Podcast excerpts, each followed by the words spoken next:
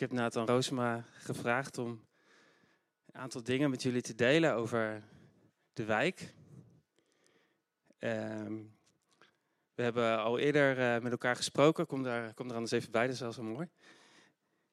En uh, ik vind het super gaaf dat je, dat je hier bent. En uh, dat we, ehm, we hebben eerder al met elkaar gesproken en ehm, dat we het mooi vonden om ja, de dingen die je ziet hier in de wijk en die je doet, om dat ook met de gemeente te delen. En om te kijken of er op de een of andere manier, um, ja, dat, dat de nood die in de wijk is, dat we daar als kerk een rol in uh, kunnen spelen. En um, ja, daar zou ik je graag uh, het, het, woord voor willen geven. En ik wil je ook vanaf deze plek ook bedanken dat wij uh, hier kerk mogen zijn in dit gebouw. Je bent ook eigenaar van het krachtstation. En uh, je hebt ook een eigen bedrijf hier, een onderzoeksbureau. en ja, we vinden het heel gaaf dat je, dat je bij ons bent. En ik ben heel benieuwd naar jouw hart voor deze wijk. Je hebt daar al wat van mogen proeven. Dus ga je gang. Warm welkom. Ja.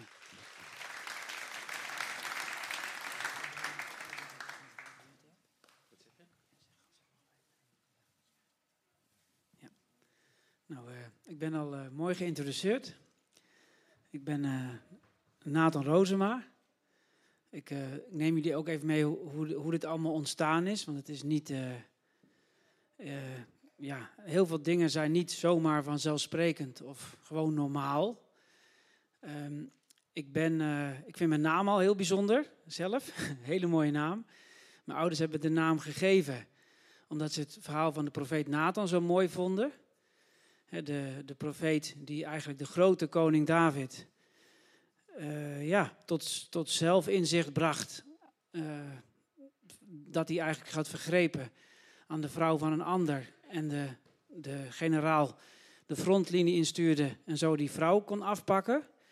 Met het, met het verhaal van een grote grondbezitter die allemaal schapen heeft en dan aan zijn gasten het lammetje van zijn knecht offert. Nou, dat vind ik een heel mooi verhaal. En dat is ook eigenlijk iets wat ik probeer om heel vaak in mijn achterhoofd te houden. Om, om, om, daar, uh, om daar zelf ook voor te, te, te zorgen dat dat niet gebeurt. Nou, ik, ben dus, ik kom uit een, uh, uit een bevlogen nest. Mijn ouders, dat bedoel ik, het gaat allemaal niet, niet vanzelf. Hè. Dat wordt, het, wordt, het heeft allemaal een geschiedenis. Mijn ouders die wilden toen hier, uh, toen zij elkaar leerden kennen en getrouwd waren, in 1975, wilden zij iets goeds doen uh, voor de wereld vanuit hun christelijke missie. En dat begon met eigenlijk kijken om je heen ze woonden in Lombok. Daar kwamen, waren toen nog de eerste gastarbeiders. En die gastarbeiders die leefden zoals nu heel veel moelanders, Midden-Oost-Europeanen. Leefden eigenlijk in stapelbedden in pensions, met name in de wijk Lombok, maar ook in Witte Vrouwen. Uh, ja, heel erg dicht op elkaar gepropt. En er was eigenlijk niets voor. En dat was ook eigenlijk helemaal niet de bedoeling, want ze moesten vooral werken in de fabrieken. Het werk wat eigenlijk de blanke Nederlanders niet meer wilden doen. Ehm, en zo ontstonden kerstins uh, in de Priokerk in Ogenal. En vanuit daar groeide meer en meer en werden er ook steeds meer mensen vanuit de wijken, uh, veelal christelijke, maar hoeft niet alleen christelijke mensen betrokken om, om daar iets mee te doen. Er kwam een SOS en er kwam uiteindelijk een vrouwenontmoetingsproject uh, en een stichting, Interkerkelijke Stichting Kerken en Buitenlanders, aan de Kulzekade in Lombok.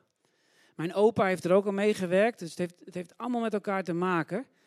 En uh, uiteindelijk gingen meer dan 200 vrijwilligers, met name vrouwen, wekelijks taalles aan huis geven bij mensen van Marokkaanse en Turkse afkomst, met name in de wijken. En ook heel veel in deze wijk. Nou, ik, ik was op mijn vijfde, ging ik al met mijn ouders mee naar Marokko, want ze waren ook, als je met mensen omgaat, dan krijg je vanzelf de nieuwsgierigheid naar het leven. En heel, ze werden ook uitgenodigd. Zo van, jullie zijn zo gastvrij voor ons hier in Nederland. Kom ook kijken in ons land. Dus ik was op mijn vijftal in Marokko. En, uh, dat, en ik zat op de school in Lombok, een multiculturele school. En ik zeg dit allemaal omdat uh, wat ik zeg maar van Jezus begrijp en van geloof, wat ik heel mooi vind, is dat Jezus niet de vooraanstaande mensen uitkoos om, om, om hem te volgen en hem daarna het stokje over te nemen, maar de vissers, de gewone mensen. En dat is, uh, dat is denk ik ook als je naar de mensen thuis gaat met taalles. Je doet gewoon iets, iets eenvoudigs, maar heel belangrijk. Dat, dat zijn dingen denk ik die heel belangrijk zijn om te doen. Um, dus ik heb dat meegekregen en dat kwam ook in mijn studie terug. Ik heb uh, hier aan de overkant op school gezeten. Dat was het Niels Tensen College. Um, en uit wat we net zagen, hè, tussen het rechts en links, goed en slecht, uh, dat is denk ik ook een heel belangrijk ding. Want die school, de Tensen College, was een middelbare school, was een hele mooie school. Had ook uh, interessante elementen en ook elitaire elementen in zich. Uh, als je dat zo mag noemen. Hè. Er was iets van kunst, er was theateropleiding, et cetera. En dat trok mensen van de buitenwijken uit Utrecht, de Meern, et cetera, die naar school gingen. Ik zat zelf ook op die school, het was een hele leuke school. Maar waarom zeg ik dat? Soms kan iets wat zelf denkt goed te zijn ook iets heel erg slechts doen. en dat heeft alles te maken met als je niet verbonden bent. Ehm, dus die school, uh, die is uiteindelijk ten onder gegaan. Dus ik vertel hier een mooi, hoopvol verhaal, maar ook, ook tegelijkertijd heel veel triestigheid. De school waar duizend leerlingen of misschien wel meer op zaten, is ten onder gegaan. Omdat de rector, iemand waarvan denk ik heel veel mensen zeggen, een goede man, die gaf in nieuws dat de school geen toekomst had omdat er te veel Marokkanen opkwamen. Nou, dat is gebeurd nadat ik er al vanaf was. Dus mijn zusje, Cindy Rosema, die nu in de Antonische Kerk het Huub Hoosterhuis uh, net gezongen heeft. Die was een van de laatste lichtingen van die school. En er was van alles aan de hand. En dat is hier nog steeds in de wijk aan de hand. En daar gaat mijn verhaal ook voor een gedeelte over. Uh, namelijk, ik vertelde het begin van de mannen die de gastarbeiders waren. En de taal uit zijn huis kwam toen de vrouwen en de gezinnen kwamen, hè, de gezinshereniging. Dat gebeurde ook in deze wijk. In Lombok was het, was het al een tijd aan de hand, maar Lombok was natuurlijk kleine huizen, eh, niet geschikt voor gezinnen. Dit is een wijk met 70%, 75% sociale woningbouw, waar je dus vanuit een semi-overheid heel goed op kunt sturen, want dat is niet particulier. Dus hier kwamen heel veel gezinnen te wonen. Dus de school, wat een ja, ik, weet niet of het goede woord is, maar wat ook een, een, beetje bevlogen, elitair karakter had met die kunst en de theater en de lichten, et cetera. Die, die leraar, die, dat waren allemaal een soort, ja, een beetje verlichte, hoe zeg je dat, bijzondere mensen. Die waren totaal niet opgewassen tegen die veranderende wijk met heel veel Turkse en Marokkaanse gezinnen. Dus er kwam een gigantische clash tussen de straatcultuur van migrantengezinnen, van overleven en van mensen uit de Meern van de middenklasse plus en van leraren die uit diezelfde bubbel kwamen, die daar niet mee om konden gaan. Dat was uiteindelijk waar de school heel erg mee te kampen had. Maar waar dus niet de verbinding, de, de rector die wilde niet de verbinding aangaan. En ik kon er wel, ik heb daar ook, uh, ik werd er ook echt emotioneel van toen hij in de uh, aflevering, uh, hoe heet het ook weer? andere tijden, daar ben ik ook in geweest hij heeft zich zeg maar gezegd dat hij op een gegeven moment de zoete thee, als hij bij mensen thuis kwam, kwam zijn neus uit. En dat is zo vernederend. Hij zal het vast niet zo bedoeld hebben. Maar dat is de gastvrijheid van de mensen hier, is onder andere thee. En als je zo over je eigen school, je leerlingen praat, dan ben je niet verbonden. En kan het, eh, wij mogen niet oordelen, ik mag niet oordelen. Misschien is het nog steeds een goed mens.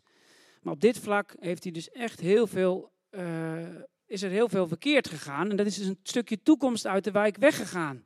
Want het was een MAVO, HAVO, VWO-school. En mijn terugkerende verhaal is verbinding, verbinding, verbinding. Nou, dat is dus, um, dat gebeurde dus met die school. En later ging ik studeren uh, op, het, uh, op de Universiteit Utrecht. En daar wilde ik met mijn, ik heb sociale geografie gestudeerd ik wilde ook heel graag met mijn studie iets doen waar, waar je hier ook echt wat mee kon. Ik had die passie met Marokko. Dus ik ben eigenlijk, uh, ik wilde in de universiteit hier daar iets mee doen, maar dat kon niet. Het waren, ik wilde iets met ontwikkelingslanden. Dat waren allerlei landen waar je in, Nederland weinig tot niets mee kon. En ik wilde niet zo'n geleerde worden die dan alles weet van een vreemd ver land en in dat je in Nederlands eigenlijk niks mee kan. Hè, met alle respect, maar dat, dat wilde ik niet. En ik wist dat hier genoeg te doen is met al die problematiek, al die problematiek rondom de multiculturele samenleving. Dus ben ik naar Amsterdam gegaan en heb ik mijn afstudieonderzoek gedaan in Marokko en in Nederland onder eenzelfde groep uh, migrantenfamilies. Om te kijken naar de relatie tussen gerichtheid op de Nederlandse samenleving en investering in het land van herkomst. Toen ik terugkwam, en dat was ook alweer een keuze, kies je, kies je voor het verre exotische wat leuk is, maar ook om iets hiermee te doen. En toen ik terugkwam, toen kwam ik te werken in de wereld van onderzoek. Wat uh, Bram net vertelde, hè, daar is het labyrint, dat is dus mijn eigen onderzoeksbureau. Ik had toen nog niet mijn eigen bureau, het was 2003. Maar de, um, hoe zou ik het zeggen? De wereld voor ons beleid, al die grote vraagstukken waar we nu mee zitten. Hè, dus ook nu de verkiezingen weer. Wat gaat er gebeuren met de bezuinigingen? Mensen met armoede. Al dat soort grote vraagstukken zijn gebaseerd op heel veel onderzoek of dat allemaal effect heeft. Alleen het trieste is dat heel veel van die onderzoeken bereiken de mensen niet waar het het meest om gaat. En daar kwam ik achter, dat, weet misschien, dat is misschien helemaal niet heel bijzonder, maar ik, ik blijf me daarover verbazen. En ik kwam erachter, want ik had zelf onderzoek gedaan in Marokko Nederland. Ik heb heel veel Marokkaanse en Turkse vrienden, dus ik weet dat het gewoon kan. Je kan gewoon met elkaar in contact, je kan met eerste generatie interviews afnemen, dan moet je wel de taal spreken. Nou, dat is een beetje een achtergrond. Dus dat is mijn drijfveer geweest om ook mijn bedrijf te starten, om juist een stem te geven aan mensen die dus eigenlijk in heel veel boekwerken niet voorkomen, omdat ze namelijk gewoon het niet snappen. En het zijn tegenwoordig lang niet meer alleen mensen met migratieachtergrond. Dat zijn de zogenaamde, ja dat is een beleidsnaam, lage zesgroepen, sociaal-economische status. Dat zijn armere mensen, ongezondere mensen en noem maar op. En in deze wijk en in Overvecht wonen daar, daar relatief veel meer van dan in andere wijken. Mensen worden hier 12 jaar minder gezond oud als in hier vlak naast gelegen wijk Ogenal. Er is een hele corridor in de stad die loopt zeg maar van Overweg naar Kanaarland. En dat is echt, het hangt allemaal met elkaar samen. En dat is eigenlijk echt verschrikkelijk. Um, alleen het is niet zomaar te veranderen, maar wel met, ja, met dan, dan denk dat we hier ook zitten. zijn allemaal mensen. Iedereen kan natuurlijk een steentje bijdragen. Nou, ik was net begonnen met Labyrinth. En ik werd door een groep bevlogen Utrechters, die heette Passie voor Utrecht. Er zaten allerlei organisaties in, woningcorporaties, de bank, de gemeente, noem maar op, universiteit. En die wilden iets leuks voor de stad uh, bedenken. Ze hadden een kabelbaan bedacht om Leidse Rijn, wat heel erg verkeerd gepland was. Hè? De, de, huizen waren er al, maar het openbaar vervoer was er niet. Dus ze dachten, we gaan het verbinden.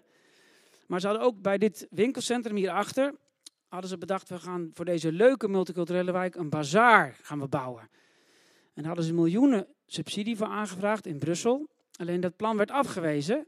En dat eigenlijk, maar goed ook, denk ik, achteraf. Want ze zeiden, leuk plan, maar wie heeft de behoefte aan? En dat was terugkerende probleem waardoor heel veel dingen fout gaan. Is dat mensen met de beste bedoelingen iets bedenken voor mensen, maar er zelf eigenlijk heel weinig van af weten en er niet, niet mee verbonden zijn. Dus de mensen die het bedacht hadden, woonden veelal in Utrecht-Oost, bij het Wilhelminapark en omgeving. Prachtige mooie buurt. Maar die hadden bedacht, leuk, hier, deze wijk, een bazaar ik was toen net begonnen met Labyrinth en ze vroegen dus of ik wilde helpen om dat eigenlijk een beetje te corrigeren van wat mensen dan wel wilden. En zo, uh, en dat, maar er was geen geld. En dat zeg ik ook uh, niet om zielig te doen, maar wat een gek fenomeen is, dat er in een wijk als Kanaaland gaat er heel veel geld om in hulpverlening, zorg en noem maar op. Alleen heel weinig geld komt echt bij de mensen zelf terecht die hier wonen. Uh, en dus bij mij ook als ondernemer, want ik woon hier sinds 2000 zat hier op school. Dat was dus weer een leuke vraag van goed bedoelde mensen met een goede baan. Maar het kleine ondernemertje dat begonnen was, daar, was maar, ging men al vanuit dat hij dat zelf zou doen. En alsof het zomaar uit de lucht komt aangewaaid. de, de term van de schoorsteen moet roken, die uh, kennen veel mensen die in zo'n functie zitten bij een groot instituut als de overheid, uh, snappen ze niet zo goed. Nou, dus we gingen toch vragen wat mensen wilden. Mensen moesten lachen om het idee van die bazaar. Ze zeggen, dat kennen we wel uit Marokko of uh, de Jamal Fana of de Grand Bazaar. Maar we zitten hier niet voor niks in Nederland. Het is, wij houden ook van modern. En ja, dat was echt hilarisch. ik had ook een plaatje meegenomen van zo'n bazaar. Er werd echt gewoon een beetje om ge, geginnegapt. Um, maar een ander punt, en nu komen we steeds meer bij dit gebouw. Mensen misten een plek waar ze zelf dingen konden doen. En waar ze dus uh, hun zelforganisatie, zoals toen de tijd al allemaal, dat betekent Arabisch de hoop. Er was een groep van vrouwen die eigenlijk begaan waren met het lot van vrouwen om, om ze te helpen met van alles en nog wat. En die hadden geen eigen plek, behalve anti-kraak. En zo waren er wel tien of twaalf andere clubs die allemaal op zoek waren, maar geen betaalbare ruimte konden vinden. En heel veel mensen wilden iets beginnen, wilden een bedrijf starten en hadden ook geen betaalbare plek. En dat was dus een mismatch, want in de ogen van de gemeente was er allerlei vastgoed voor die mensen, maar dat was het dus eigenlijk helemaal niet. Want hoe het hier geregeld is, is dat je wel buurthuizen hebt, maar het buurthuis uh, is niet, dat is dan van een organisatie, maar dat is niet van de wijk. Al zeggen ze dat vaak wel. Dat is dus, je kan daar reserveren, bijvoorbeeld van 10 tot 11. Maar dan moet je daarna, stel je voor je hebt een vechtsportschool, wat hier heel erg uh, belangrijk is. Dan moet je dus na dat uurtje al je boksballen en al je dingen weer weg gaan halen en weer verkassen en op een ander moment op een andere plek. Dat is het model wat hier gebeurde. Um, lang verhaal kort, er was heel veel behoefte om iets mee te doen. En heel veel mensen hebben grote bijeenkomsten, bijvoorbeeld. Dat weten ook allemaal mensen die hier niet wonen niet, maar er is, is een hele hechte uh, samenleving hier in de wijk. Als er, als er een kind wordt geboren, dan is er een geboortefeest. Nou, dat hebben de blanke, uh, laten we zeggen de Hollanders ook. Alleen wat minder uitbundig dan het hier in de wijk is. Hè. Er kunnen zo 40, 50 mensen op bezoek komen. En die komen niet alleen uit Nederland, maar die komen ook uit Frankrijk, uit Duitsland, et cetera. En uit nood lenen soms mensen elkaars flats aan elkaar. Want dat is gewoon te krap in één zo'n flat. Dus zo'n gebouw als dit zou daar perfect voor zijn. Alleen het is er niet. Nou, dat was één behoefte. Van, kunnen we niet iets doen wat we zelf... Laat staan bijvoorbeeld een bruiloftsfeest. Wat in het oosten van het land heel normaal is met die grote schuren. Hè, dat je daar je 50-jarige huwelijk of je Abraham viert.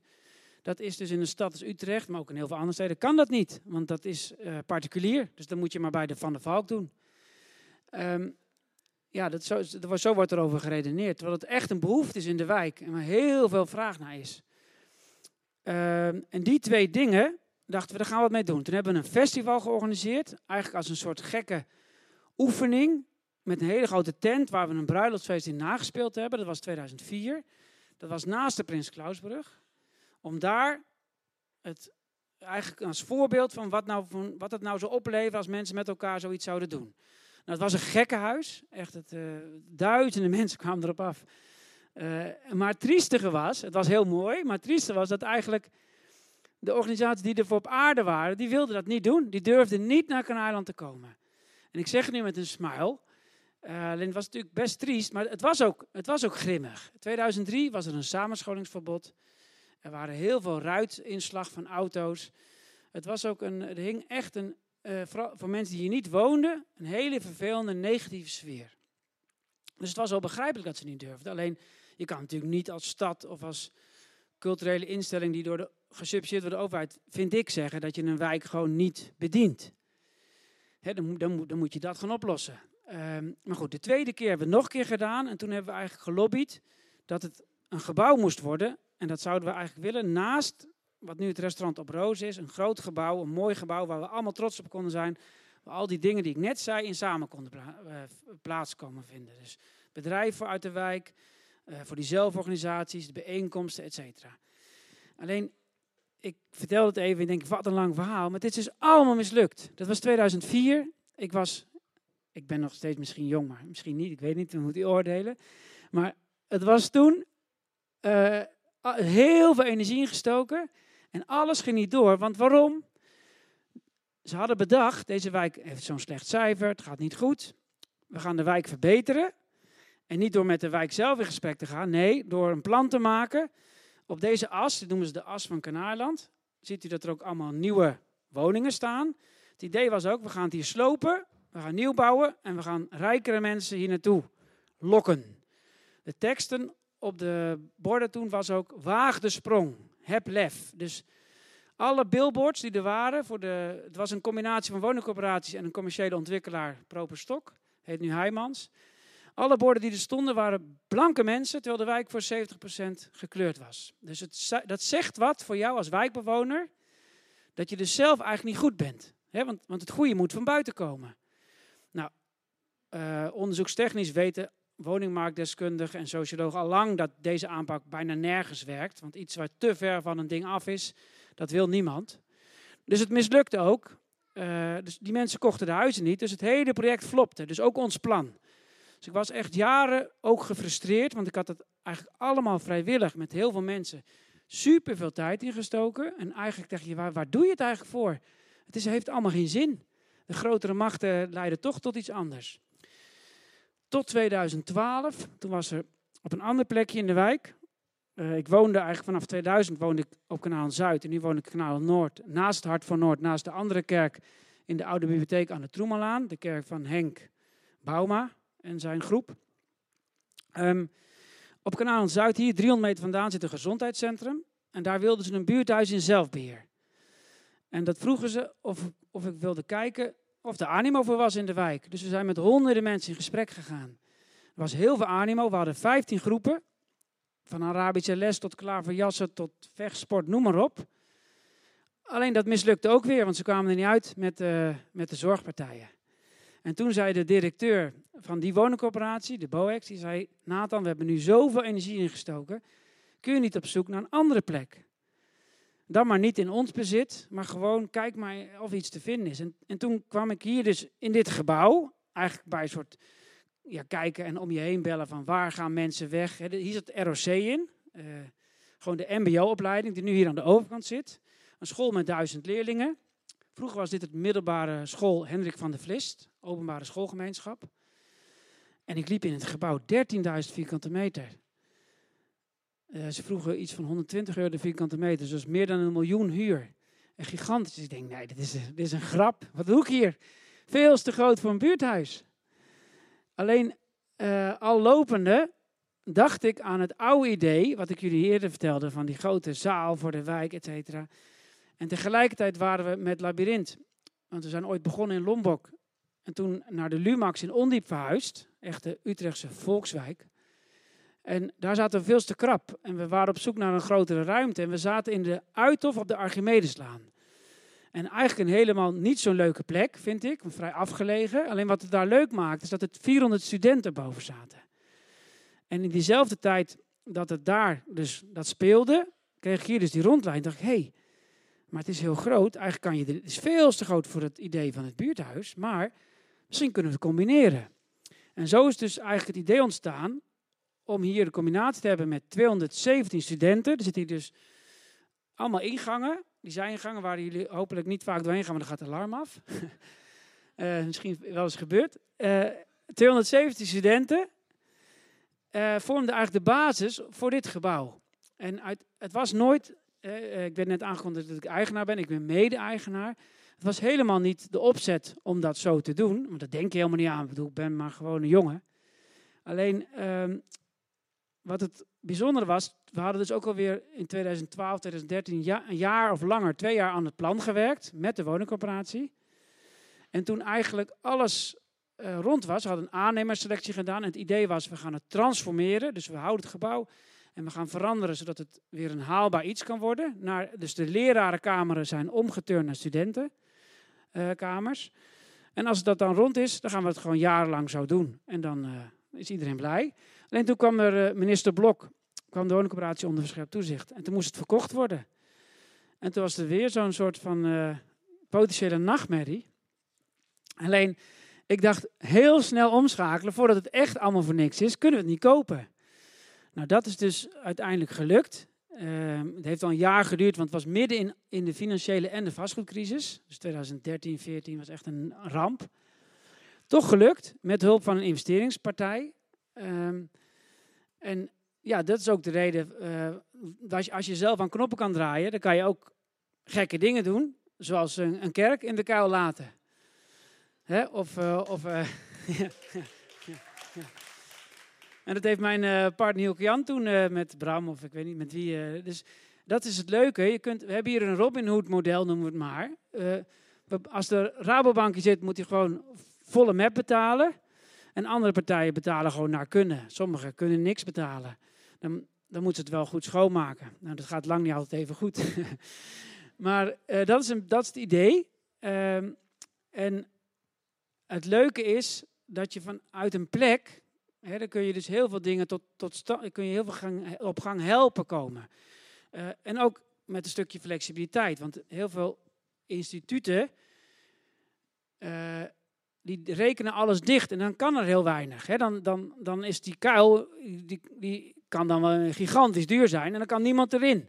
En dan zitten dus alleen maar clubs in zoals Rabobank. En je doel is juist met de wijk en dan gaat het dus helemaal niet werken. Maar hetzelfde geldt voor al die gangen. Dat is natuurlijk eigenlijk heel veel soort verloren meters. Maar het zijn tegelijkertijd plekken waar allemaal mensen dus kunnen overleggen en vergaderen. Of mensen die iets willen starten, eigenlijk gewoon kunnen proberen of het werkt. want ik, als mensen iets willen, dan zeg ik heel vaak, probeer, ga het eerst even proberen.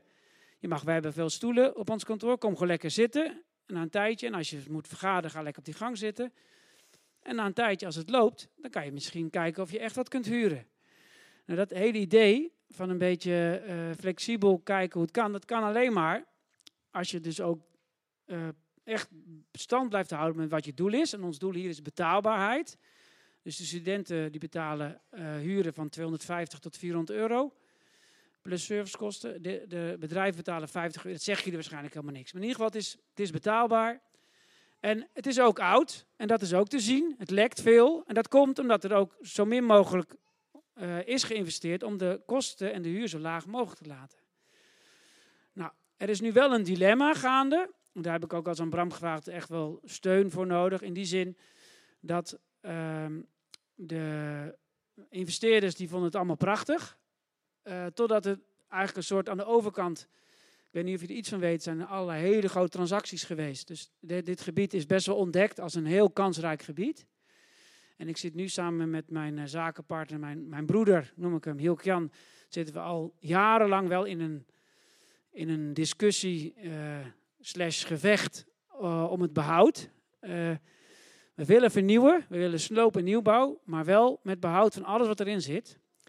En de, de, het spannende nu, en dat is echt waar heel veel ja, wijsheid en kracht voor nodig is, is om, om te kijken of, of we dat kunnen behouden. En om die strijd, uh, ja, ik, ik, weet niet of je in strijd moet denken, maar ik hoop dat we daar goed uit gaan komen. En dat we dit uh, allemaal in stand kunnen houden. Dat is, dat is mijn inzet en die van mijn uh, partner. En dat is heel ingewikkeld. Maar goed, ik, even terug naar, de, uh, naar het begin, wat ik zei, verbinding. Wat is er allemaal gebeurd en wat speelt in de wijk?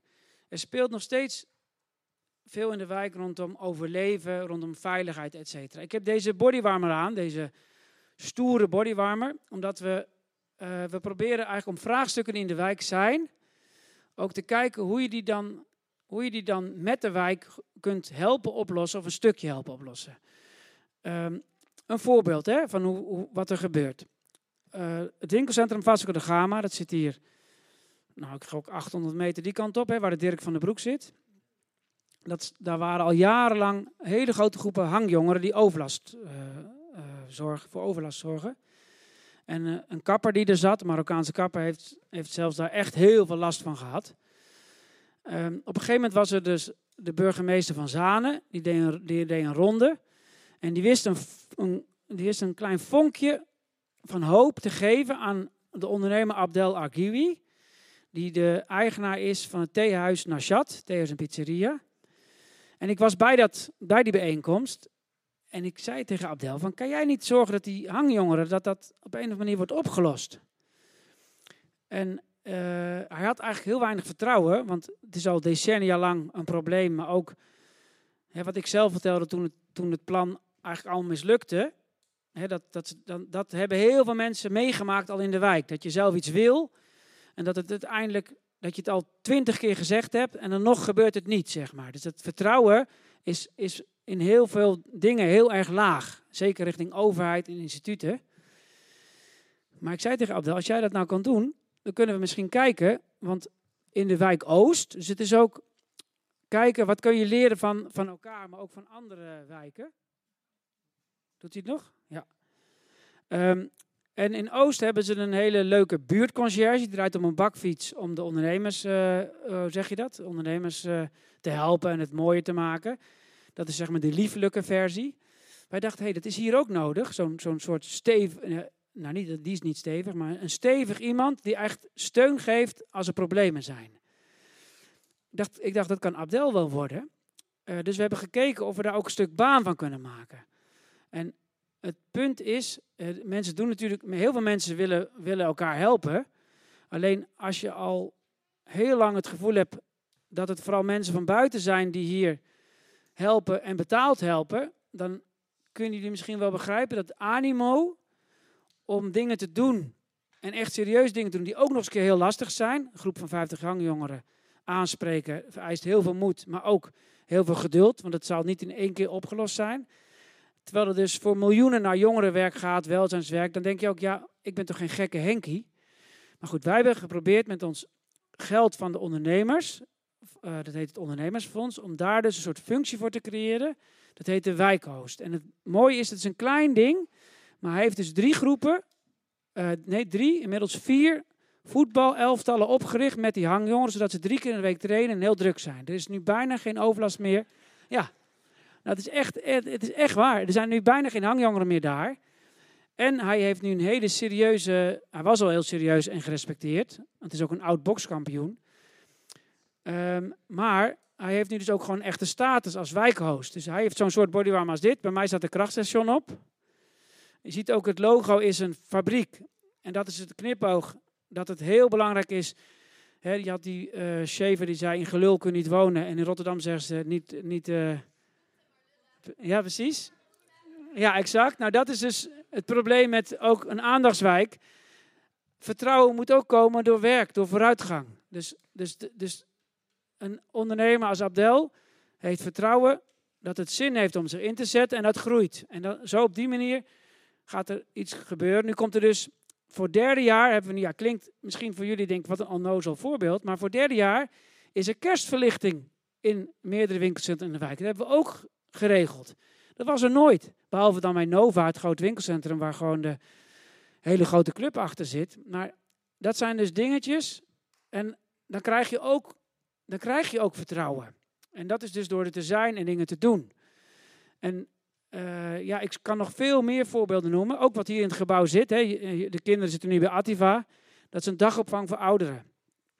Nou, je zou zeggen, feitelijk zo is, zijn hier dus wel twee of drie grote zorginstellingen op steenworp afstand. Wat is het eigenlijk voor bijzonders dat het dan hier zit? Want schuin die kant op zit Vecht en IJssel. Uh, in het Park Transwijk en het Voorhoevenhuis zit Action Continu. En waarschijnlijk zit de grote Karijn zit hier ook nog ergens om de hoek. Miljoenen industrieën qua zorg. Maar vanuit de wijk weinig tot geen vertrouwen. Dus, dus ze, hebben daar, ze hebben daar hele grote ruimtes, maar er zijn bijna geen mensen met migratieachtergrond. Hoe kan dat? Ja, dat, heeft, dat, heeft, dat is eigenlijk heel menselijk. Ik denk dat hier de kerkgemeenschap uh, ook probeert, als er iets moet gebeuren, uh, niet als een soort monopolist, maar wel kijken, hey, kunnen we andere uh, gemeenteleden hierbij betrekken. Want we, we, we, we willen het liever met elkaar dan met mensen van daarbuiten. En je bent niet tegen mensen van buiten. Maar zo werkt het, zeg maar. En dat werkt hier in de wijk heel erg op die manier, omdat het vertrouwen zo laag is. En het uh, punt wat ik mee begonnen, ik heb van mijn ouders dus veel meegekregen, daar ben ik heel dankbaar voor. Um, en dat probeer ik zelf ook toe te passen door verbindingen en ook te kijken de noden. Wat, wat, wat hebben mensen echt nodig? Dus we hebben hier bijvoorbeeld we hebben hier ook huiswerkbegeleiding. We hebben hier met Amina Berkana Bagou, die woont hier op kanaal Zuid, hierachter, is er wijksupport. En het uh, wijksupport is dus een initiatief om stagiaires die op het mbo zorg en welzijn zitten, niveau 2 en 3, om die aan een stageplek te helpen. En er zijn zoveel gekke dingen. Soms, soms word ik er gek van als ik erover nadenk. Denk je, hoe is het mogelijk? Er zijn grote instellingen, zoals een MBO Utrecht of een ROC Midden-Nederland, waar ja, gigantisch geld naartoe gaat. Je krijgt duizenden euro's per leerling per jaar om school te volgen. En dan lukt het niet. Sterker nog, er zijn dus mensen die wel een opleiding volgen, een beroepsopleiding, en je kan alleen maar die beroepsopleiding afronden als je een stageplek hebt, maar er zijn geen stageplekken. Dus er is iets bedacht wat in de praktijk niet werkt. Want de huisarts hier om de hoek wil geen niveau 2 leerling hebben van zorg en welzijn. Het buurthuis ook niet. Ons welzijnswerk werkt bijna alleen maar met HBO-mensen. Terwijl de mensen die het meest contact hebben met de mensen in de wijk zijn vaak mensen met een MBO-opleiding. De conciërge kent veel meer mensen in de wijk dan de gemiddelde HBO-social eh, worker. En dat, zijn zulke gekke, scheve dingen. En die HBO social worker is niet verkeerd. Dat heb ik probeer ik, en heb ik ook geleerd de loop der jaren, probeer niet veroordelend te zijn. Want die mensen doen het ook met hun hart. Alleen het is wel heel scheef dat de mensen die echt op de grond in de klei staan, dat die heel vaak niet gezien worden. Terwijl Jezus koos juist die vissers. En dat gebeurt dus helemaal niet in onze maatschappij. Het wijkbureau hiernaast, de gemeente Utrecht, belangrijke partner voor ons, echt werkt er goed mee samen. Maar er werken ook bijna geen mensen vanuit de wijk of op mbo-niveau. En dat is ook geen kwade opzet. Uh, dat, dat, dat kan niet, zeg maar. Maar het is toch op heel veel punten zo gek scheef. Daar kan ik nog wel uren over doorvertellen. ja. Dus um, het punt is, ik vind het soms lastig, waar begin je? En het zijn eigenlijk, ik begon het verhaal uh, met waar ik vandaan kom. En dan is dit mooie, mooie gebeuren als het Krasjon is gebeurd. Ik zat in 2010, het is bijna dan zal ik zo stoppen. En werd ik dus, nee, in 2007 kwam hier Ella Vogelaar. Uh, er zijn meerdere mensen, ik sta je natuurlijk wel in mijn eentje nu te vertellen, maar dit is alleen maar gelukt door ongelooflijk veel mensen die dit ook gegund hebben en gesteund hebben. Want hoe kan anders zoiets groots, 13.000 kilometer, hoe kan dat eigenlijk dan lukken? In Nederland ken ik geen enkel voorbeeld van deze omvang dat gelukt is met een wijk. Ik heb een, een vriend die bij mij in de wijkraad zat, Boudewijn Oremus, die, is, die heeft hier ook heel erg aan gewerkt. Die was toen al met pensioen. Die heeft altijd gelobbyd bij de politiek van dit moet je steunen. Ella Vogelaar, die kwam in 2007 als minister Wijken. Ik ontmoette haar. En ik heb toen meteen ook tegen haar gezegd: uh, van wat er mist in die hele aanpak is dat de mensen die belang hebben bij verbetering, namelijk ook ondernemers, dat die niet meedoen. Die werden gewoon niet benaderd voor de wijkaanpak. Ik denk dat is een gemiste kans.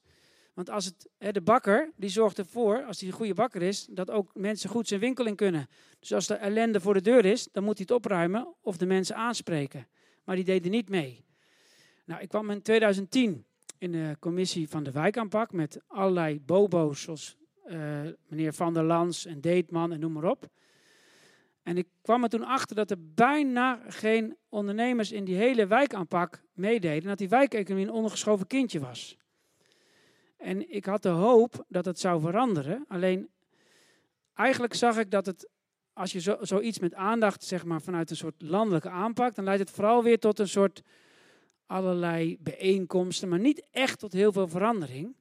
Dus ik was heel blij dat je in dit kleine, ik noem het maar een Asterix-dorpje, dit gebouw, in dit kleine gebouw, want anders was ik echt misschien wel heel gefrustreerd geworden en dan zo'n soort zuurpruim. Hier kunnen we dus, bijvoorbeeld de beveiliging, doen we met jongeren uit de wijk. Die krijgen ervoor betaald. Um, de dagopvang, al die partijen. Wij discrimineren, maar wel met een goede opzet. We discrimineren namelijk dat het eigenlijk hier alleen voor organisaties is die de wijk bedienen. Dus als je een architectenbureau bent, die misschien een mooie huur kan betalen, hartstikke goed, niks mis mee. Alleen de dagopvang van de oudere mensen uit de wijk gaat voor dat hippe bureau. Dat, dat bedoel ik even met discrimineren. Um, even kijken wat ik nog zeggen. Uh, nee, dus daar ben ik blij mee. En we proberen dus met allemaal dingen die hier gebeuren. Dat is wat, wat wij als een soort oplossing zien, of oplossingsrichting. Om te kijken hoe je het kunt veranderen. Heel veel dingen die hier gebeuren. Kijken hoe je zoveel mogelijk mensen uit de wijk daar in de lead kunt zetten. En eigenlijk daar een rol kan in geven. En als er geld is, ook een betaalde rol. dat, het niet, dat het ook practice wat je preach is. Niet mooie verhalen en dan van hele arme mensen verwachten dat ze op sessies met flipovers gaan denken over de problemen en vervolgens drie uur lang besteden en weer naar huis gaan en ondertussen weer een huilend kind hebben van ik kan de voetbalclub niet betalen. Ik overdrijf misschien of ik, ik zet het iets zwart-wit neer, maar dat is wel wat heel veel gaande is. En uh, ja, en dan nog zijn we er nog lang niet hoor. Maar dit, is een, het is een manier. En, het is, uh, en nu, wat ik interessant vind om hier te staan, wat ook een ontwikkeling is. Vroeger was het dus een wijk met een samenwoningsverbod en een laag rapportcijfer. En wat, wat nu de wijken zit in, zit in de lift. En het komt doordat hier aan de overkant die flats, de sociale huurders, eruit zijn. Ja, getrapt ook nog net niet, maar dat is, dat is wel hoe mensen het interpreteren. En er zijn allemaal andere mensen van de plaats gekomen. En wat ik nu zelf uh, moeilijk vind, is dat daar helemaal geen verbinding mee is. Dus ik heb het over verbinding met de mensen die hier al lang wonen. Abdel die nu vertrouwen heeft en als wijkhost, als iets aan de hand is, helpt om het op te lossen. En zo zijn er veel meer mensen. Ik denk wel een stukje of 30, 40 sleutelfiguren die allemaal dingen doen. Alleen we hebben hier dus nu allerlei mensen die hier komen wonen. En die eigenlijk hier als een soort toerist, denk ik, hè, want dat is mijn gevoel, eh, in de wijk een beetje zo zien en geen verbinding hebben. En dat is zonde. En een ander laatste ding, er is ook een tekort.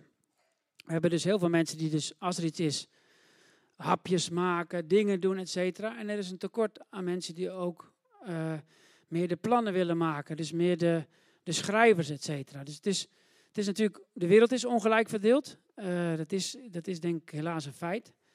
Maar hier een paar honderd meter naast zitten allemaal denkers, oog en al. Goed schrijven, veel werken bij de Rijksoverheid. De meeste verkeersdrempels van de stad liggen daar. Hier rijden ze 70. Ja, dat is niet voor niks. Veel advocaten, wethouders, et cetera. Deze wijk weten jullie allemaal hoe mensen hier rijden. Waarschijnlijk uh, vaak op je kind moeten letten met gevaar voor leven. Nou, we missen dus een beetje van die schrijvers. Uh, dus als, als er bij jullie mensen zijn die aan dingen mee willen werken, dan zou dat uh, mooi zijn. En, en terugkerende dingen is die verbinding zoeken. Niet door erover te praten, maar door gewoon dingen te doen. Dus we doen een kidsmarathon met kinderen over de brug rennen. We hebben dat met die wijkhost. We hebben hier uh, schaaktoernooien. Verzin het maar. Uh, dat is mijn vraag aan jullie. Uh, ja, dat was hem. Dankjewel. Ja, mooi om zo uh, jouw visie voor de wijk en alles, uh, alle energie die je ook de, nou ja, echt de afgelopen jaren daar ingestoken hebt, te, te horen en, en, te zien, je passie. En um, ik zou op dit moment ook uh, het mooi vinden dat we een aantal van, van jullie, dat we als gemeente ook